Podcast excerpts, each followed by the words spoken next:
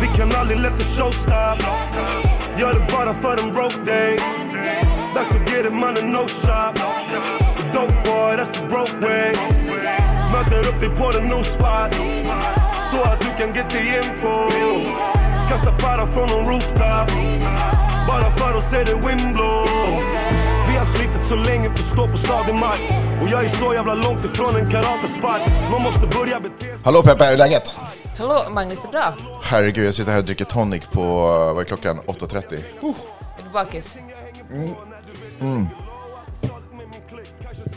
Gör det där skedet då det inte är helt fastställt ännu.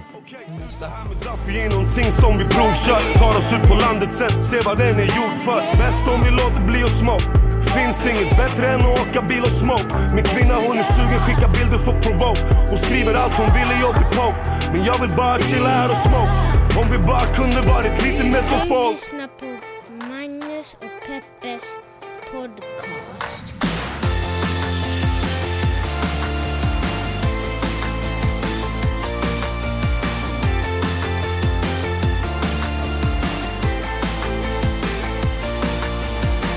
Hallå internet! Hjärtligt välkommen ska ni känna er till podcasten som heter Magnus och Peppes podcast! Woo! Mm. En liten podcast där vi pratar om stora och små händelser i världen och så gör vi det ur ett journalistiskt, feministiskt und, und mediegranskande perspektiv. Peppe, what's going on? Hur har veckan varit? Det har varit en bra vecka. Ja, Varit, fått mycket eh, gjort. Fått mycket gjort. Vad har hänt i veckan? Berätta, dra det lite för mig snabbt. Okej, måndag fick jag vara med i SVTs Morgonstudion. Mm, punkt. Punkt. Nej men det var superroligt, jag börjar ju vara ganska så här, bekväm med det nu och uh, det var tidigare... Wow. Nej, men du vet, de första gångerna var det så att jag kunde höra mitt eget Ja, hjärta fattar. bulta i I mina öronen, Ja, typ. exakt. Men eh, nu är jag bara, hej hej, och de, till, de kunde till och med slänga några curveball-frågor till mig utan att eh, jag... Ja, men utan att jag, att jag blev helt paralyserad av skräck. Jaha. Och, så det var väldigt kul. Och eh, sen efteråt så är det alltid ett snabbt snack, snabbt snack med redaktören. Och eh, han var så här, "Toppe, du, tack för att du var med. Jag bara, tack för att jag fick vara med. Han bara, ja men alltså vi älskar dig verkligen här. Och jag bara, "Ah, jag älskar er också. Puss och kram. så tänkte jag, puss och Så kram. ni är ihop nu, eller vadå? Vi är ihop nu. Och eh, så du kommer inte att göra den här podden nästa vecka. Vadå, tyckte att du, du, var det du som sa puss och kram? Ja, men jag var så glad och Det så gick lite för långt, Jag liksom. kände som jag gick för långt. Det där kommer jag ihåg, nu är det här en skittråkig historia som ingen kan relatera till, för you had to be there. Men vi satt i bilen, jag och, och eh, mina kollegor på mitt förra jobb, när vi jobbade på ett produktionsbolag. Och vi höll på att spela in eh, tv-program. Eh, och då eh, så skulle bara hon som var liksom lite producent, eller hon som var producent egentligen för programmet, eh, Teresa, hon skulle ringa vår chef och bara, det här hände nu på vägen liksom dit. Eh, och... Eh, vad fan det låter? Jag måste ta bort ljudet från din telefon. Men jag försöker. Ja, i alla fall så ringer hon till chefen och så avslutar hon med okej bra, puss puss. Sen blir det supertyst.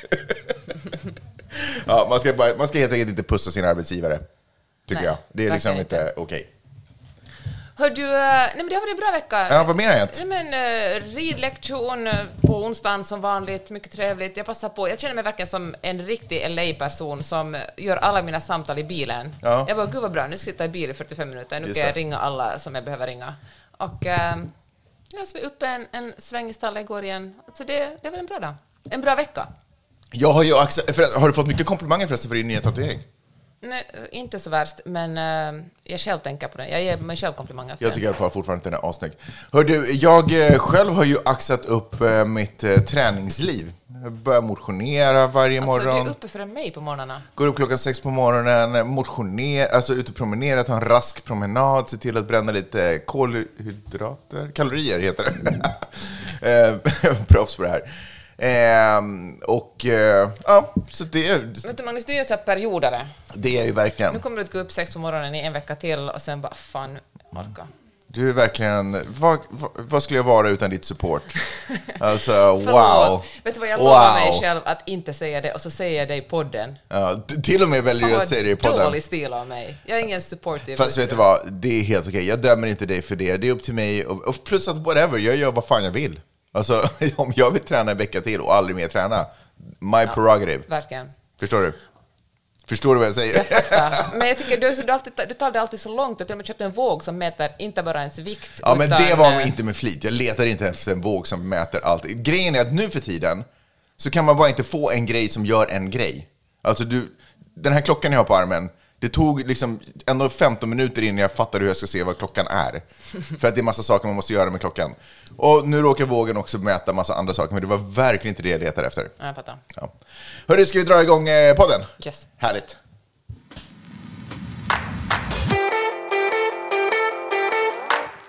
Hör du, ska vi tala om eh, covid-läget i USA? Okej. Det är ju lätt att man blir så här, eh, eller inte lätt, jag känner mig på så gott humör.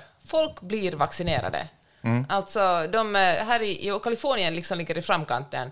Vi har liksom flest, och jag säger vi, Ja. vi har flest Nej men för du är en California-bo nu. Ja. Du är en Angelino. Ja, Angelina. Angelina. Angelina Öhman.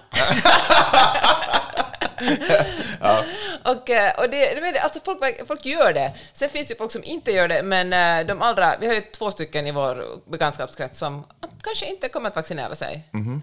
Men, och men, men det som jag tycker är intressant som man, man talar mycket, alltså vi har talat, som jag tycker att man talar, har talat mycket om förut här, är så här anti-vaxxers, Qanon, folk som är sådär aggressivt emot uh, vaccinationer. Ja. Berätta om den där mamman som jag såg vid, utanför skolan häromdagen, som hade en uh, keps där det stod uh, “Defund the media” Mm. och så hade hon en t-shirt där det stod “My body, my choice”. Mm. Och, uh, och, det så Och så var det så en, en spruta mitt emellan så att Ja. man förstod att det handlade om att Som jag vaccinerar mig om jag vill. abort skulle vara samma sak som att vaccinera sig. Det är så Mm. jävla dumt att jag inte ens börjar reda ut. Alltså när man vaccinerar sig skyddar man ju andra. När man väljer att, om man måste, vill göra en abort så gör man det för att man själv kan bestämma över sin kropp. Mm. Strunt samma. Det provocerar mig jättemycket.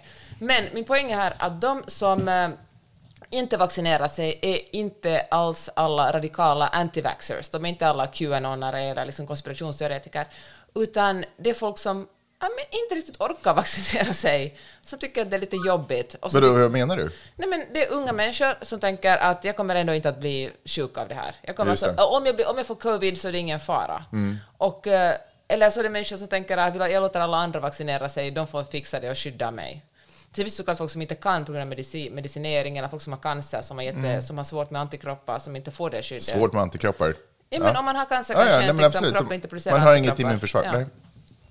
Men, och, ett, och det har ju liksom många delstater här verkligen försökt få, få liksom råda bot på. De som är liksom radikalt anti-vaxxers, de är vad de är, det går liksom inte att övertala dem. Mm. Men folk som är sådär eh, vaccin hesitant, som man säger här i USA, det är de som man nu försöker få vaccinera sig. För nu, är vi vid den, nu, har vi, nu har vi kommit så långt att alla som verkligen vill ha vaccin har fått det. Och, eh, de, man har till och, med, och nu liksom dyker folk inte upp längre. Alltså nu är det bara att promenera in och sträcka fram armen så får man en spruta. Men eftersom eh, men folk, eh, men folk inte, gör inte det, liksom, takten har stannat av. Mm. Och nu är det så att till exempel i Detroit, så om man är under 35... Får jag bara säga, för det är ju absurt, för att för några veckor sedan när vi tog, skulle boka tid för första sprutan, då var det ju omöjligt typ att få tid. Mm. Det var helt omöjligt att få tid. Det var fortfarande när inte, alla, när det inte var öppet för alla. Eh, så helt absurt nu att det bara vänder över en natt. Mm, det gick fort. Alltså, Det är också bevis på hur otroligt effektivt det här systemet var. Man kunde gå in på vilka apotek som helst nästan. Alltså. Typ, ja. och, eh, eller åka in på Dodger Stadium och sträcka fram armen ur bilfönstret och få den sprutan. Men, ehm, men nu vill folk inte längre, eller liksom nu är folk inte så intresserade av det längre. Och då, Kalifornien är liksom inte det värsta stället, det finns andra ställen där speciellt unga inte vaccinerar sig. Och då till exempel Detroit erbjuder så här debitkort med 50 dollar på, man får liksom 50 dollar för att vaccinera sig. Holy crap. För jag antar att man räknar så här, Vem är det som ger de pengarna? Nej, men, så, jag tänker att det måste vara staden och kanske Ja. i, med delstaten. Men, för det är ju säkert det är billigare att ge Shit. 50 dollar än att ha folk som är, folk som är sjuka. Alltså det är ju ändå en, en Mm. Jo, jo, investering förstås. som Ja. slutar. Och eh, i, eh, någonstans på östkusten, i någon de här i Carolinas, så fick man, bjuder man på öl om man du får en öl om du kommer och vaccinerar sig. Någon annan stad som erbjuder gratis donuts under ett år bara man vaccinerar sig. Alltså, Så du får inte covid, men du får diabetes? ja. Och, eh, nej men jag tänker att vilka, det känns så otroligt amerikanskt också att göra det på det här sättet, att man har så, gått till så radikala measures så att säga. Men tycker du att det är bra, eller? Alltså, jag är lite osäker på vad det står här. Ja, men jag tycker det är jättebra. Att man med, med, liksom, med alla tips och tricks som man kan dra in folk till, eh, till eh, vaccin. Men det är ju självklart att det är jättebra. Och speciellt de som är vaccinationsskeptiker, eller sådana som är vaccinations... Det borde finnas ett ord för vaccinationslättja. Folk som känner att, det. att... Det är säkert samma personer som tycker att orka rösta, min röst har ändå ingen Mm. betydelse. Orka vaccinera sig, min, att jag vaccinerar mig har liksom ingen betydelse, men det har ju en jätte Nu förstår jag, du menar att man ska inte dra alla, förlåt, alla som inte tar vaccinet över en kam, utan alla är inte galna människor, utan vissa är bara vanliga människor som bara gör sitt eget liv. och det råkar inte inkludera vaccin i Och det det. här landet är ju verkligen fullt av sådana människor. Och fullt av alla sorters människor. Mm. Hör du, eh, fan vad intressant att du tar upp det där, för att jag lyssnade på The Daily, New York Times podcast.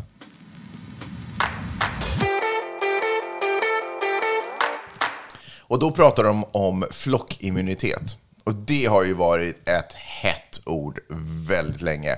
Jag vill minnas att det, jag vet inte om det officiellt var så, men jag vill minnas att det åtminstone snackas om att det här är Sveriges strategi från typ get-go.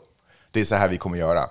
Vi kommer sikta på, säger, vad heter nu den där ep- epidemiologen? Du är bara glad för att du kan säga epidemiolog. ja, fan vad, Timell, något sånt. Timell. Anders, nej men, Nej, men, ah, förlåt, ja. ah, förlåt, whatever. Det var dumt, pinsamt. Vilken fall som helst. ehm, eh, det, det kändes som att det, det var liksom det som var strategin. Och sen så lyssnade jag på det här avsnittet och så lär jag mig massa saker som bara lite ställer allt på ända och så blir jag så här, vad fan är det som händer? Och det ena är att, just om vi, om vi bara tittar, på, det ena är att, jag kan bara säga det rakt ut, att eh, uppnå, att vi skulle uppnå, att jorden skulle uppnå flockimmunitet är typ en omöjlighet idag. Det kommer aldrig hända. Eh, och de förklarar det så här, därför att flockimmunitet är egentligen en enkel formel. Alltså, när, alltså procenten som behövs för att eh, uppnå flockimmunitet immunitet bestäms av en ganska enkel formel som relaterar, som är direkt eh, korrelation till hur aggressivt det här viruset sprids. Varför tittar du på mig sådär konstigt? Nu får du lyssna på Ja, dig. okej. ja. Jaha, det är så. Jag var ovan vid att... Ja, eh, och det är sant att eh, när covid kom ut, när man tittade på den smittspridningen och den, som, den analysen som gjordes av det viruset i början, eh, att eh, om, jag tror att det var ungefär, på, skit i de här siffrorna, men låt säga att det var ungefär, om 70 procent har fått viruset eller har, har lyckats på något sätt utveckla antikroppar mot viruset, så då kommer vi uppnå, 70 procent av befolkningen, då kommer vi uppnå flockimmunitet. Det är bara, problemet är att det enda sättet för viruset att mutera är när det hittar en ny värld och när det får jobba i en ny värld, alltså en ny människa. Så om man släpper ett virus fritt och det får jobba fritt i massvis med i miljontals olika människors så, eh, kroppar så ökar ju risken för viruset att mutera. Och mutationen kanske har en annan smittspridningsgrad, vilket vi har sett också på de här nya eh, varianterna av, av covid, som är aggressiva, vilket betyder att den här eh, procentsatsen för flockimmunitet har ökat.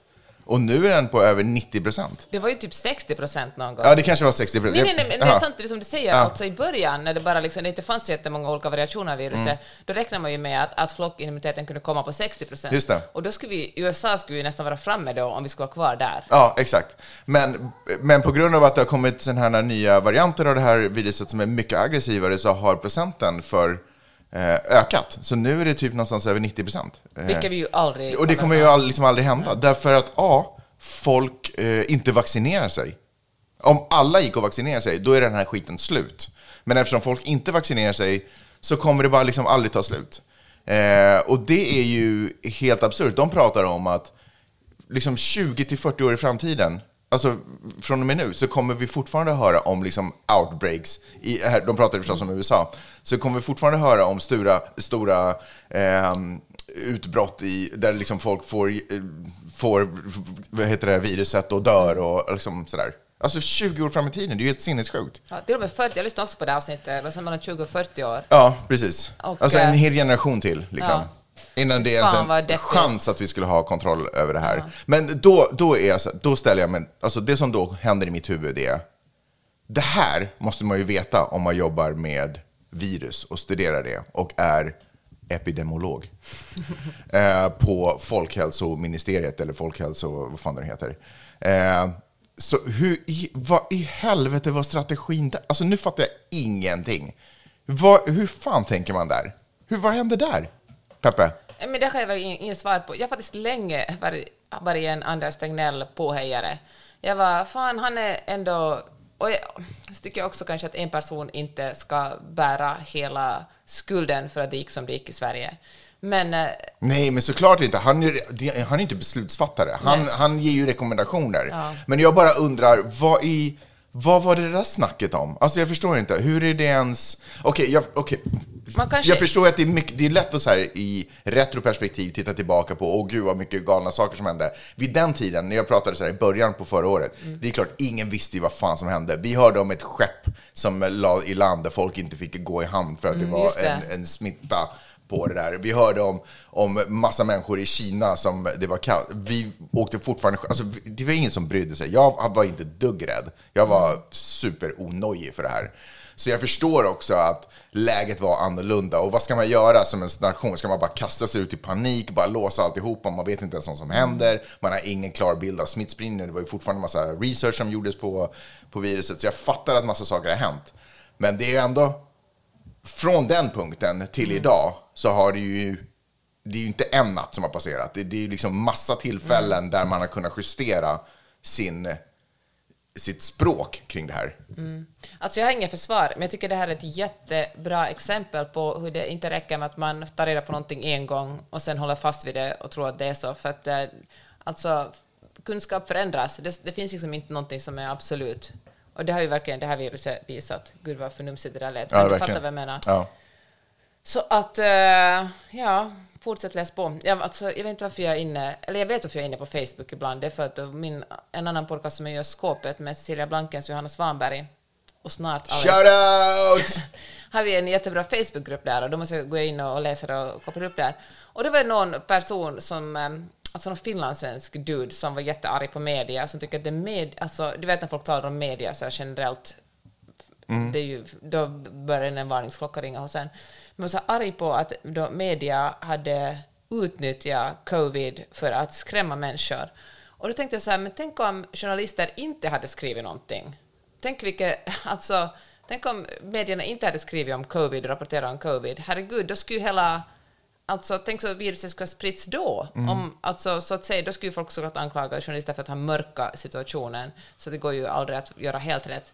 Men, eh, men det är ju otroligt viktigt att journalister, alltså fan vad journalister har gjort ett bra jobb. Alltså jag tycker att DNs rapportering kring covid har varit otroligt bra. Ja, på vilket sätt då? Ja, men de har, de har berättat så här, det här vet vi just nu, så här säger det, så här säger WHO, så här säger, eh, så här säger våra, våra egna epidemiologer och eh, så här, eh, så här kommenterar andra forskare. Jag tycker de har varit, och de har haft, vad heter deras, eh, de har haft en, en jättebra korre som har typ pendlat mellan Italien och, och Sverige och skrivit och försökt förklara viruset, som varit superduktig. Ja, så, ja, det var ju en jätteby. så att... De har haft en jättebra korre som har pendlat mellan Italien och Sverige. Därför tycker jag DN var bra. Nej, men, men alltså, jag tycker att på många, jag tycker verkligen, menar inte bara det, jag tycker att, att journalister har fan gjort ett jävla bra jobb det här året.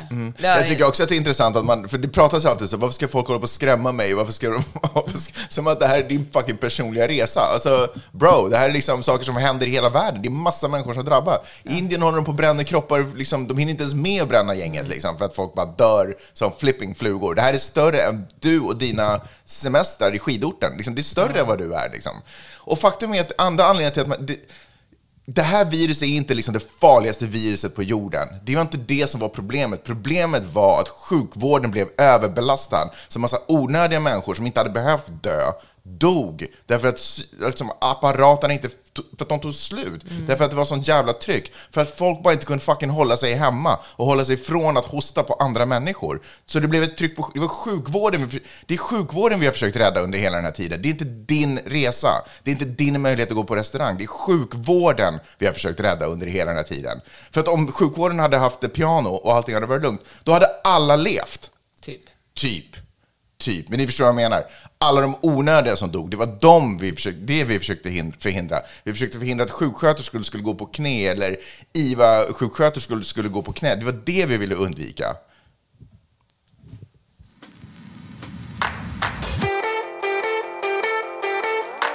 Nu ska du föra något sjukt. Jaha. 86 procent... Du har covid. Nej. Men fan, jag känner ingen i Stockholm som inte... Alltså min kompis Maja är typ den enda som inte haft covid i Stockholm. Vet du vad, det var faktiskt, får jag bara en liten, en liten parentes på, bara för att runda av den här covid-grejen, för det var en annan grej som den här um, eh, The Daily lärde mig. En, en insikt som jag förstår, man, du vet ibland hur man vet saker latent utan att det liksom har formulerat, hunnit formuleras som en tanke, men bara insikten. För att alltid när man pratar så här, åh jag har fått covid, gud vad skönt, nu är jag immun. Nej, jag tror inte att jag smittade någon annan. Och det må vara gott och väl, man kanske fick, fick rätt på att man fick det och sen har man bara låst sig inne och inte smittat någon annan. Det kanske var caset. Men det man ändå aldrig kommer ifrån är att det faktum att man har låt, tillåtit sig själv bli smittad, eller fucking bara råkar bli smittad, är att man har tillåtit viruset en ny chans att mutera. Och den, den, den hade jag liksom inte riktigt eh, insett. För det är ju bara då som det kan... Liksom, man har gett den lite mer glöd på elden. Nej, ja, ni förstår vad jag menar.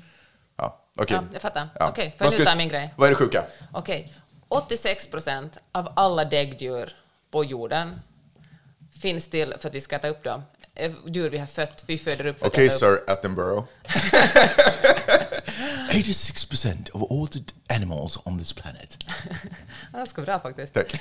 Hör du, ja, men visst är det chockerande? För, förlåt, men är inte han sjukt rolig? Du vet, han är ute i djungeln. Ja. Bara grön växtlighet överallt. Och så bara flyttar han undan några blad. Så bara blad lyfter på några kvistar. Och där under stenen. Here, look at this amazing little species. This is probably the only one of its kind in the world. Du vet hur han bara går rakt in på de där fantastiska djuren. Okej, förlåt. 86 Okej, var Nej, nej, nej, du kan avbryta mig ännu en gång när jag börjar prata här. Sorry. Hör du, nej men så är det. Alltså jag äh, har äh, äter, äh, jag kan inte säga att jag är vegetarian, för det händer att jag äter kött. Ibland då blir ägg? man... Ja, ägg. Och ibland, men fast vegetarian, eh, vegetarianer äter ägg men inte fisk. Strunt samma. Men ibland eh, blir jag bjuden hem till någon som inte vet jag är vegetarian och så serverar de mig fisk. Och ibland är jag på restaurang och beställer musslor. Det händer i veckan. Men till 99 procent äter jag inte kött. Och då går jag... Och då mm, försöker jag att inte pracka på det här. Jag liksom försöker att inte vara ett Jehovas vittne och säga att alla andra måste leva som jag. Nej, du har inte knackat på alla dörrar här i, i huset där vi bor och bara Har du talat om vegetarianism? Excuse me, do you have five minutes? Have you found vegetarianism? Men jag tycker ändå att det är viktigt att prata om det här. Och kanske främst för att jag lyssnar på eh, SvD, Svenska Dagbladets eh, podcast. De, har en, de försöker göra det daily. Ibland lyckas de. Mhm. Du Ibland, vet att jag jobbar med DNs, så jag tycker det är tråkigt att du håller på att lyssna på konkurrenten. Nej, men då kan jag, då kan jag glädja dig med orden att det var ett riktigt jävla uselt avsnitt som Åh, nej. handlar om kött. Okej. Det handlar om att, um, alltså faktiskt amerikanska medier också skriver mycket om att republikanerna, eller vissa republikaner, försöker nu få det att låta som Joe Biden kommer att förbjuda kött i USA. Mm. Eller inte ens, men ransonera det, så typ ni kommer bara att få två pound eh, kött i veckan. Det är det Joe Biden vill. Oh my god, det är ett kilo kött i veckan. och, eh, och för Det är kött- liksom en 200 grams burgare om dagen. Ja, men, ja. men, men, det är liksom, och, men det är ett jätteeffektivt eh, sätt att eh, gå emot eh, Joe Bidens politik eftersom kött, det handlar inte bara om själva maten utan det handlar så mycket om identitet. Man är liksom en, en köttätande person, då är man en viss sorts person. Och, eh, och just för att det handlar så mycket om identitet gör att man såklart går emot presidentens Green New Deal, alltså hans klimatpolitik för att på något sätt nå, eh, liksom, försöka hindra oss från att falla ner i klimatkatastrofen. Och eh, då, ja, men SVDs, för det första vill jag säga på att det, deras avsnitt som handlar om det här var så otroligt dåligt, för man skilde på något sätt, man, mm, så här gjorde man typ, ja det finns folk som gillar, som tycker kött är jättegott, och så finns det folk som inte äter kött. Och eh, varför har den här politiken inte kommit till Sverige? Ja, det finns folk som tycker att eh, kött är gott. Ja, det är därför den inte Ja. kommit till Sverige. Och det kan göra mig alldeles rosenrasande, för det är ju inte så att alla som är vegetarianer, det finns vegetarianer som tycker att kött är äckligt och har blivit vegetarianer bara därför. Men jag tror faktiskt att de flesta vegetarianer och veganer inte äter kött bara på, eller främst på grund av etiska orsaker. Alltså, den industriella djurhushållningen är ju vidrig, slakterierna är vidriga. Men också för att vi aldrig kommer att eh, liksom nå våra klimatmål om alla fortsätter äta kött som det går. Det är Mm. helt enkelt för att vi tycker att det skulle vara kul om våra barn fick bo på jorden och inte Mm. levde på Mars med Elon Musk. Liksom. Fy fan, vilken... Elon Musk, som det kommer heta. Ja. Och, eh, och då brukar jag ibland, så pedagogiskt jag kan skriva om det här på bloggen, ibland på Twitter, att, eller dela typ text där det står att det är helt bra om vi inte äter kött varje dag. Och, eh, och tre gånger om dagen. Och då är det alltid, och jag fattar att det är bara folk som kommenterar som, som eh, tycker att de är, som är nöjda med sig själv. Men 100% av de som kommenterar kommenterar antingen så här, jag äter bara vilt, eller jag äter bara närproducerat kött. Och jag fattar att de som äter liksom inte närproducerat kött kanske inte vill kommentera, men det blir så snävt och konstigt på något sätt. För fan, 99 procent av er alla som äter kött, ni äter faktiskt industrikött. Alltså, så är det. Och det som provocerar mig är att det är så lätt, nu är jag ändå där med handen lyft för att knacka på dörren, men det är faktiskt superlätt att inte äta kött. Och jag ser att folk behöver liksom inte bli veganer på studs. Fan, ät kött två dagar i veckan, eller tre dagar i veckan. Eller ät kött som ni äter liksom godis. Typ när det är någonting man ska fira eller ta dessert, någonting som är Sådär lite framför extra. tvn och... Ja, men, ja. men jag menar, liksom, se, förstå liksom att, att eh, det, jag tänker att eh, alltså, det finns många saker man kan det finns mycket liksom, jobbigare saker att offra. Det är ganska lätt att leva ett gott, liksom, äta riktigt god mat och inte liksom, vara en del av att vi går allt snabbare mot liksom, den här temperaturen höjs med två grader i, på jorden.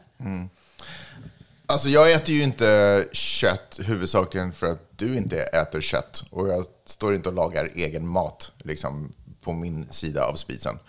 Eh, så för mig har ju, det här har ju liksom, det här livsstilen har kommit smygande på mig. Alltså jag bara märker att jag inte äter något kött alls. Eh, och jag, alltså ja, så så det har inte varit en, så jag känner att jag liksom har lite fuskat mig in har i det här. verkligen gjort. Jag har fuskat mig in i det här livet. Eh, Men jag håller med dig, det är ju verkligen, det är ju faktiskt otroligt lätt. Alltså, det är ju verkligen inte, det har inte tagit någon sån här stor kraftansträngning. Och faktum är att jag har kommit så långt bort ifrån det, så jag har lite svårt att föreställa mig det här livet som jag kanske levde förut, där man kanske hade, Slentrianköttet. ja, kanske en liten, vad heter det, en kotlett, alltså, och... Nej, men alltså, allt sånt låter, känns så otroligt framöver. Jag tycker det är, det är spännande. Eller jag vet inte vad jag försökte säga. nu Men kommer bara, någon att kommentera sådär, men, men djuren behövs för en, liksom en levande, för mångfalden. Och det är klart, djuren behövs för mångfalden, men de flesta djur, de, alltså den största, stora, stora majoriteten av de djur vi äter, har ingenting med mångfalden att göra. De står liksom, grisarna får knappt röra på sig under hela sitt liv. Kossorna, om de har tur, får de vara en sväng ute på sommaren. Och liksom, men de, det är att liksom, det, det att man ska, de ska, jag menar mejeriprodukter är ju lika illa, liksom, eller inte lika illa, men liksom det är ju att, att kossor, att man liksom dricker kossornas mjölk handlar ju om att kossorna måste, alltså man håller igång, det är som att amma hela fattar. sitt liv. Tänk som människa, amma hela ditt liv för att någon annan ska dricka ens mjölk. Det är ju ganska gross egentligen. Folk älskar ju att... Eh, folk, gud vad fult det där lät. Förlåt. Eh, men alltså, man älskar ju, jag älskar ju, man älskar ju, någon älskar ju att hata på flyget. Eh, att det bidrar med så otroligt mycket... Och det gör det alltså. Det bidrar absolut så mycket, men om man tittar på siffrorna så är det verkligen inte så mycket som jag trodde att det var. Så, här, så som man, det pratas om det, så som det shamas om det, så skulle man tro att det är 80% av allt liksom, koldioxid eller dåliga växthusgaser som släpps ut i, i atmosfären, och det är det verkligen inte. Eh, det är väl till och med jämförbart, om inte till och med kanske mindre än vad köttindustrin som helhet faktiskt producerar. Ja, det det. Och jag tycker det är intressant nu, för att precis nu så läste jag någon artikel, eller jag såg egentligen bara rubriken, jag hann inte klicka in på den. Jag brydde mig egentligen inte. Ett nytt flygplan som bara ska gå på typ vätgas, eller vad fan det var, jag vet inte. Eh, som SAS också håller på att titta på. Eh, som ska ha noll koldioxidutsläpp, alltså zero. Eh, och jag bara tänker så här, du vet i framtiden när kanske då de här, alla de här planen börjar användas och så är verkligen flyget 0%. Och så bara, men vänta, det är fortfarande asmycket eh, växthusgaser som släpps ut i. Var kommer de ifrån? Du vet, vi, det är som, jag känner att det är så här, man vill inte ta tag, man vill, man vill eh, göra bra saker, men man vill inte släppa på det man tycker om och det man tycker är kul. Eh, så det kommer man aldrig riktigt tumma på. Så därför ägnar man all energi åt att skjuta på sånt som man ändå aldrig kommer att göra eller kanske inte har råd att göra eller pallar att göra. Och så får de ta all den skiten. Så är det, de, det är alltid de som ska fixa någonting. Jag gör redan mitt. Jag- jag drar redan mitt strå till stacken. Och jag fattar det, alltså jag är verkligen inte den perfekta. Jag liksom, vi bor ju i LA och vanligtvis flyger vi en gång om året långflyg. Det är, ju- jag är verkligen inte, man kan lätt köra på whataboutism. Men jag tänker att kött är så himla enkelt alltså att byta ut. Alltså det är någonting som eh, man verkligen inte behöver göra en stor uppoffring. Men jag tycker då kommer man tillbaka till det här att kött handlar ju inte om kött så mycket. Kött handlar ofta, kanske mer i USA, men jag tror faktiskt också i Norden, handlar så mycket om identitet.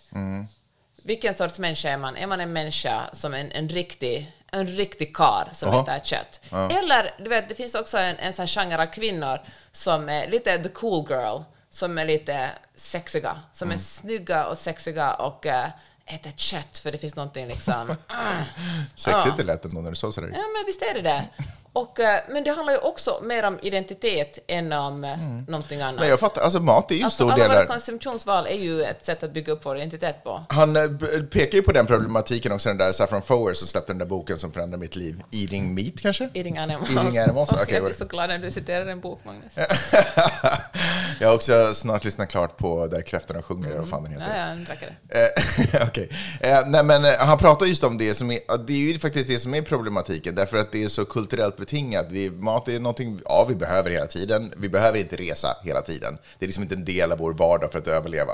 Men vi behöver mat och det är liksom så kopplat till vad våra föräldrar, hur vår familjebild har sett ut och hur vi, hur vi har samlats runt mat. Kanske inte så mycket kanske den kultur jag kommer ifrån, men absolut andra kulturer. Och, och det går bakåt generationer. Du vet, det finns gamla recept från mormor. Det finns, Du vet, allt sånt här. Så att det är ju naturligtvis otroligt eh, svårt. Alltså, vi har en jättekonstig relation och svår relation till mat. Det kommer jag faktiskt, eh, alltså det leder mig också till, du vet, eh, så, samtal om övervikt. Eh, jag gjorde ett program om det för två miljoner år sedan, just när tvn hade uppfunnits. Eh, och då Jag kommer ihåg att det var en gubbe som spelade piano och ni hade, det fanns inte ljud ännu. Exakt. Eh, och då pratade vi med en, en snubbe som kämpade mycket med sin övervikt. Och han... Och bara du vet, också insikten, saker som jag inte har behövt tänka på i mitt liv, men bara den här insikten om att det är en sak att så här, sluta röka, för jag behöver inte cigaretter för att överleva, men jag behöver mat, så jag måste, jag kan liksom inte sluta äta mat, jag måste lära mig förhålla mig till mat. Så fan, mat är komplicerat. Och det är också ännu svårare därför att vi också nu lever i en tid där du vet, det vill bara pumpas ut med råd och dieter. Det är så många saker man ska förhålla sig till med mat. Mat är inte bara en miljöfråga, det är också en hälsofråga. Det är liksom, och det är en, en njutnings, det är en underhållningsfråga nästan. Det är så många aspekter på just mat. Och sen i grund och botten handlar det ju så jättestort, alltså det handlar om gener. Alltså vissa människor Dessutom. har lätt att uh, Ja, inte det- gå upp i vikt. Jo, jo, precis när det kommer till just eh, hälsa och sådana saker, men, men det har ju inte så mycket med miljöaspekten att göra.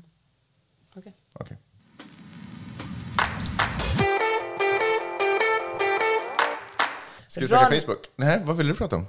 Ron, nu tänker du det här, Ja. jag heter Ron DeSantis, jag tänkte tala om eh, Floridas guvernör. Jaha, varför vill du snacka om honom för? Men jag tänkte tala lite amerikansk inrikespolitik. Okej, shoot. Vi kör Okej. Facebook senare. För jag tänker att Ron DeSantis ska ju vara bra att eh, komma ihåg. Han har ju figurerat lite i den här podden förut också. Mm. Han eh, har ju tippats, eller man är sådär kommer han att ställa upp i presidentvalet som kandidat eh, 2024. Mm. Inte för att vinna, men för att etablera sitt namn och kanske ställa upp senare. Och han, eh, efter valet, eh, presidentvalet, gick han ut och skröt jättemycket om vilket bra system Florida har. Republikanerna, alltså det, man röstar ju för eh, Trump i Florida, det är ju en swing state, men de, Trump fick ganska tidigt eh, för Floridas röster.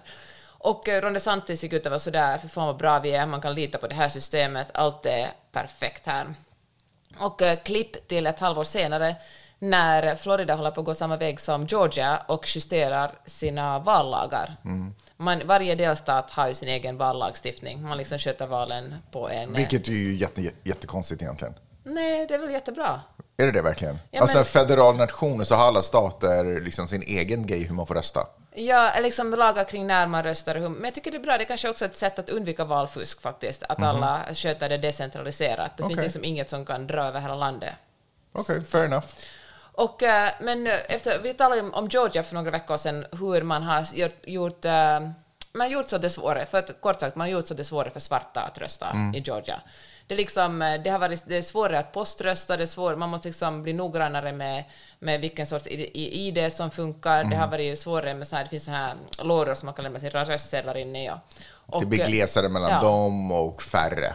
Ja, Och Georgia var ju en delstat som traditionellt har röstat republikanskt, men eh, tack vare Stacey Abrams som är en sån demokratisk eh, svart, eh, viktigt att säga, eftersom hon jobbar väldigt mycket för att få svarta personer som inte har röstat att rösta. Mm. Hon gjorde ett otroligt jobb och liksom, man kan nästan säga att det var tack vare henne som Georgia röstade demokratiskt. Mm. Och, och då, då svarar, men eftersom Georgia fortfarande på delstatsnivå har republikanska, majoritet av republikanska beslutsfattare, så bör de göra de här vallagarna striktare så det kommer i praktiken att leda till att det är svårare för svarta att rösta, och det kommer republikanerna att känna på, räknar man med. Och eh, nu gör eh, Florida samma sak inför nästa val. Det ska bli svårare för eh, svarta att rösta, eller såklart säger de inte så, men det ska till, ex- till exempel bli svårare att poströsta. Det. Och det här går så i en clinch med det som Ron DeSantis sa, var superstolt stolt över sitt säkra, sitt säkra valsystem. Hur bra allting hade gått, liksom. För att nästan alla de här delstaterna som eh, gör striktare vallagstiftning, de redovisar till eh, allt valfusk som skedde under, eh, under presidentvalet. Alltså, ing, det skedde ingen valfusk, men Republikanerna med Trump i spetsen gick ut och snackade mycket om, om valfusk. Mm. Och det här är ju en, en, en hittepå-kommentar, men ändå refererar man till den kommentaren nu och därför ska det bli svårare att rösta. Mm. Det som Florida i sig skiljer sig är att traditionellt det bor väldigt många pensionärer och äldre människor i Florida. Så innan covid så var det mycket vanligare att republikanerna poströstade. Men under covid, alltså under presidentvalet, då blev det vanligare att eh, eftersom demokrat, de, nu drar jag här med, men så här med generaliserar jag, men då var det vanligare att republikanerna, att demokraterna poströstade eftersom demokraterna stannade hemma och ville liksom inte ville inte trängas med andra människor Mm. på grund av viruset, men republikanerna tyckte att det här, det här var en identitetsfråga också. De gick nästan demonstrativt och röstade i, i person. Mm. Så nu så väntar man och ser hur det kommer att, att gå i nästa val. Det är ju val nästa Som, år. som andra ord så är de ju ganska fucked sen när covid är över. Och den här regeln, för då vill ju republikanerna igen återgå till poströstning, Ja, för de är ju ska se. gamla. Det är spännande att se hur det blir.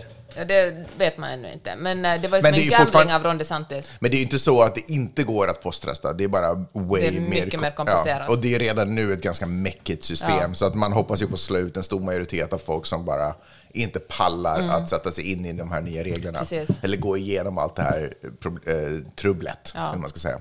Men fast jag, jag hörde om det där nyheten, men jag undrar hur fan snackar han sig runt? Alltså, för han, har han blivit, alltså hur, hur kommer han runt Så det här gjorde- faktumet? Det ska jag berätta för dig. För när han, när han skrev på det här och liksom gick ut med det här så kan Florida göra, gjorde han det helt... eh, Den enda han gjorde ganska överraskande, han gjorde det nere i eh, Palm Beach, där också Trump bor. Och han gjorde det i ett, på ett hotell, i ett ballroom, och där hade han bara bjudit in Fox News, som inte kommer att ställa några kritiska frågor, utan som bara kommer att hylla honom. Inga andra journalister var välkomna dit. Nej, men vadå, hur snackade han sig Men jag runt? menar, alltså han fick inga kritiska frågor. Ja, ja, ja, ja, så han fick aldrig den frågan. Nej. Folk bara sitter här, okej, så det är bara vi som sitter så här, ej, vad händer, hur, Ja. hur, okej, jag fattar, jag fattar, jag fattar. Ja, herregud, sinnessjukt. Alltså det här landet, det är ju sinnessjukt. Det finns verkligen allt Ja, inne i det här landet. faktiskt. Det är ju, ja, så är det.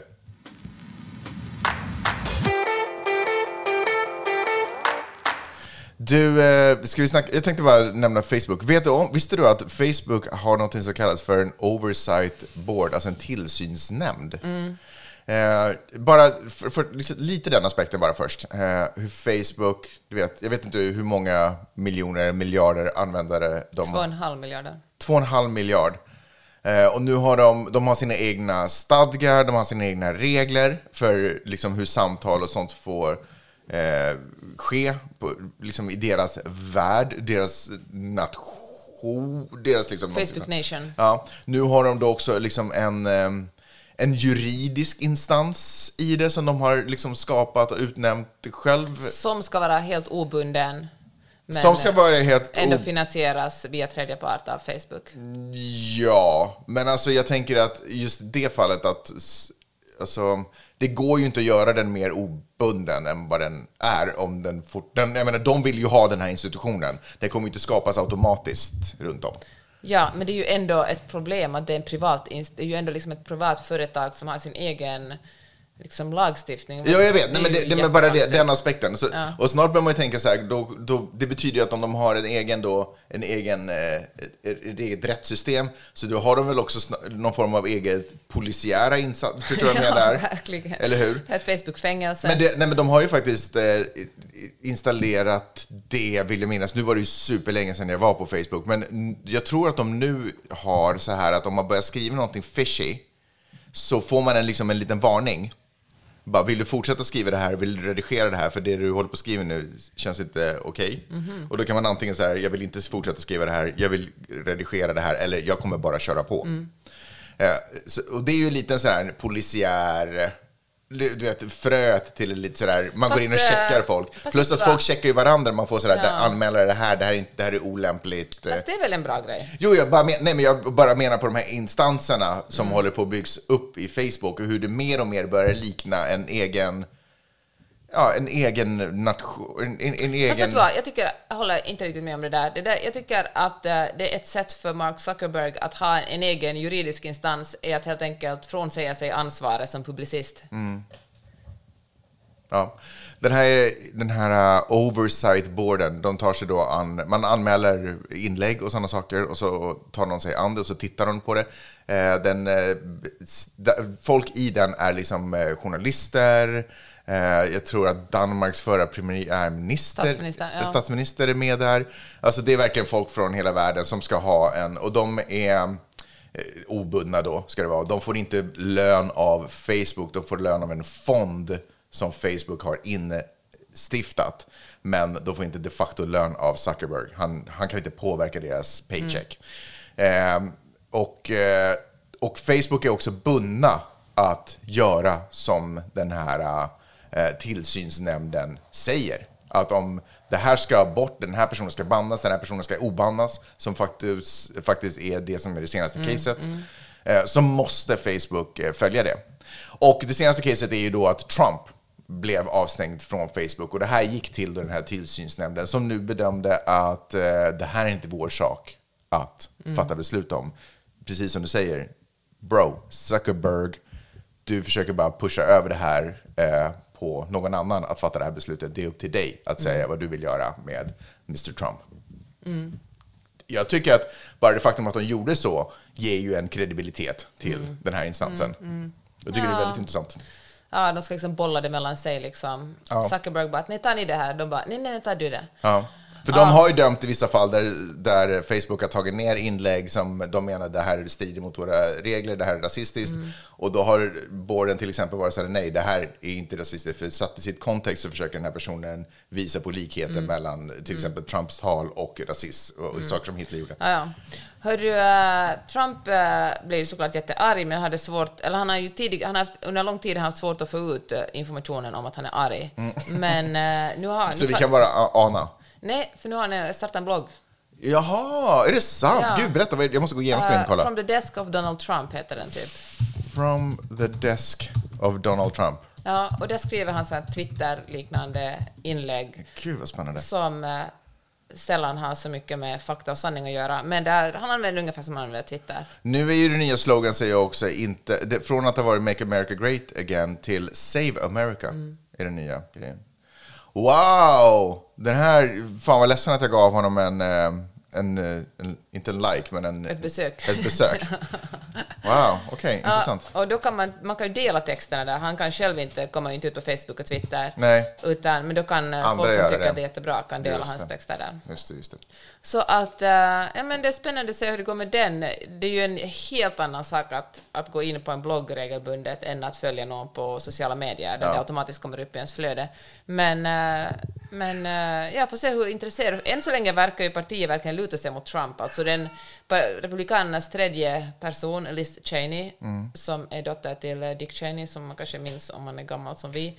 Hon, eh, hon har ju varit den högst rankade eh, republikanska politiker som har eh, kritiserat Trump. Hon har sagt så här, nu får det vara slut med de här lögnerna, nu får det nu får vi verkligen, alltså det skedde ingen valfusk, nu måste vi se framåt och göra det här partiet liksom som, ja men göra, gå tillbaka till liksom det hederliga republikanska partiet.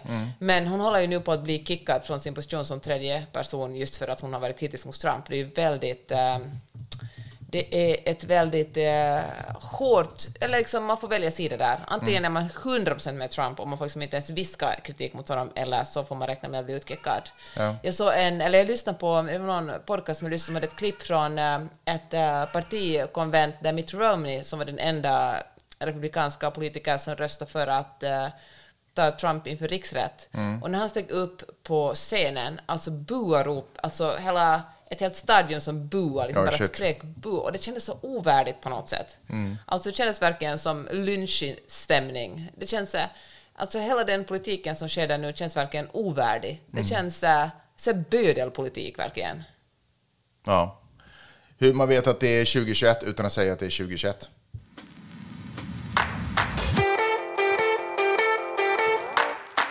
Hörru, jag tänkte att vi skulle runda av. Jaha. Men innan det så vill jag bara säga, för att det är ju svenska partiledardebatter igång också. Ty- Följer du det överhuvudtaget? Ganska lite om jag ska vara helt ärlig. Hälsningar Alltså, har, till SVTs morgon bara. vet att Eva Busch Thors klädsel har kritiserats. Ja. Och att, jag menar, Moderaterna, alltså fan såklart jag vet, alltså att Moderaterna och liksom Men gå en mot SD och så vidare. Ändå kul att majoriteten av eh, partiledarna i svensk riksdag idag, 2021, är kvinnor. Det, är väl, Ja, det är väl bra. det är väl ändå ett, en, kul, eh, en kul insikt. Men när ska ni få en statsminister då? Nej, tjejer är bara inte redo för den positionen än. Sen när de blir smartare, då, då är vi på den.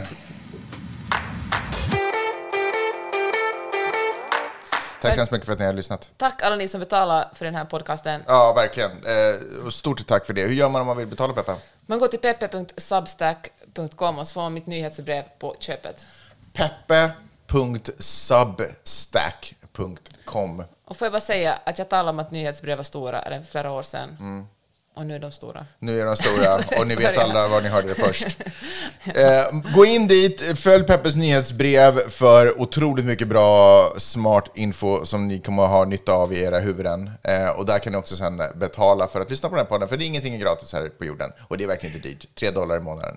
Vi kan göra det. Fem dollar i månaden. Fem dollar i månaden, fem euro i månaden, någonting sånt, 50 kronor, jag vet inte vad det är. Någonting sånt. Så gör gärna det. Och stort tack till er som gör det, fan vad roligt. Eh, vi älskar att ni är med oss. Tack för att ni har lyssnat. Vi hörs. Ha det bra! Hej!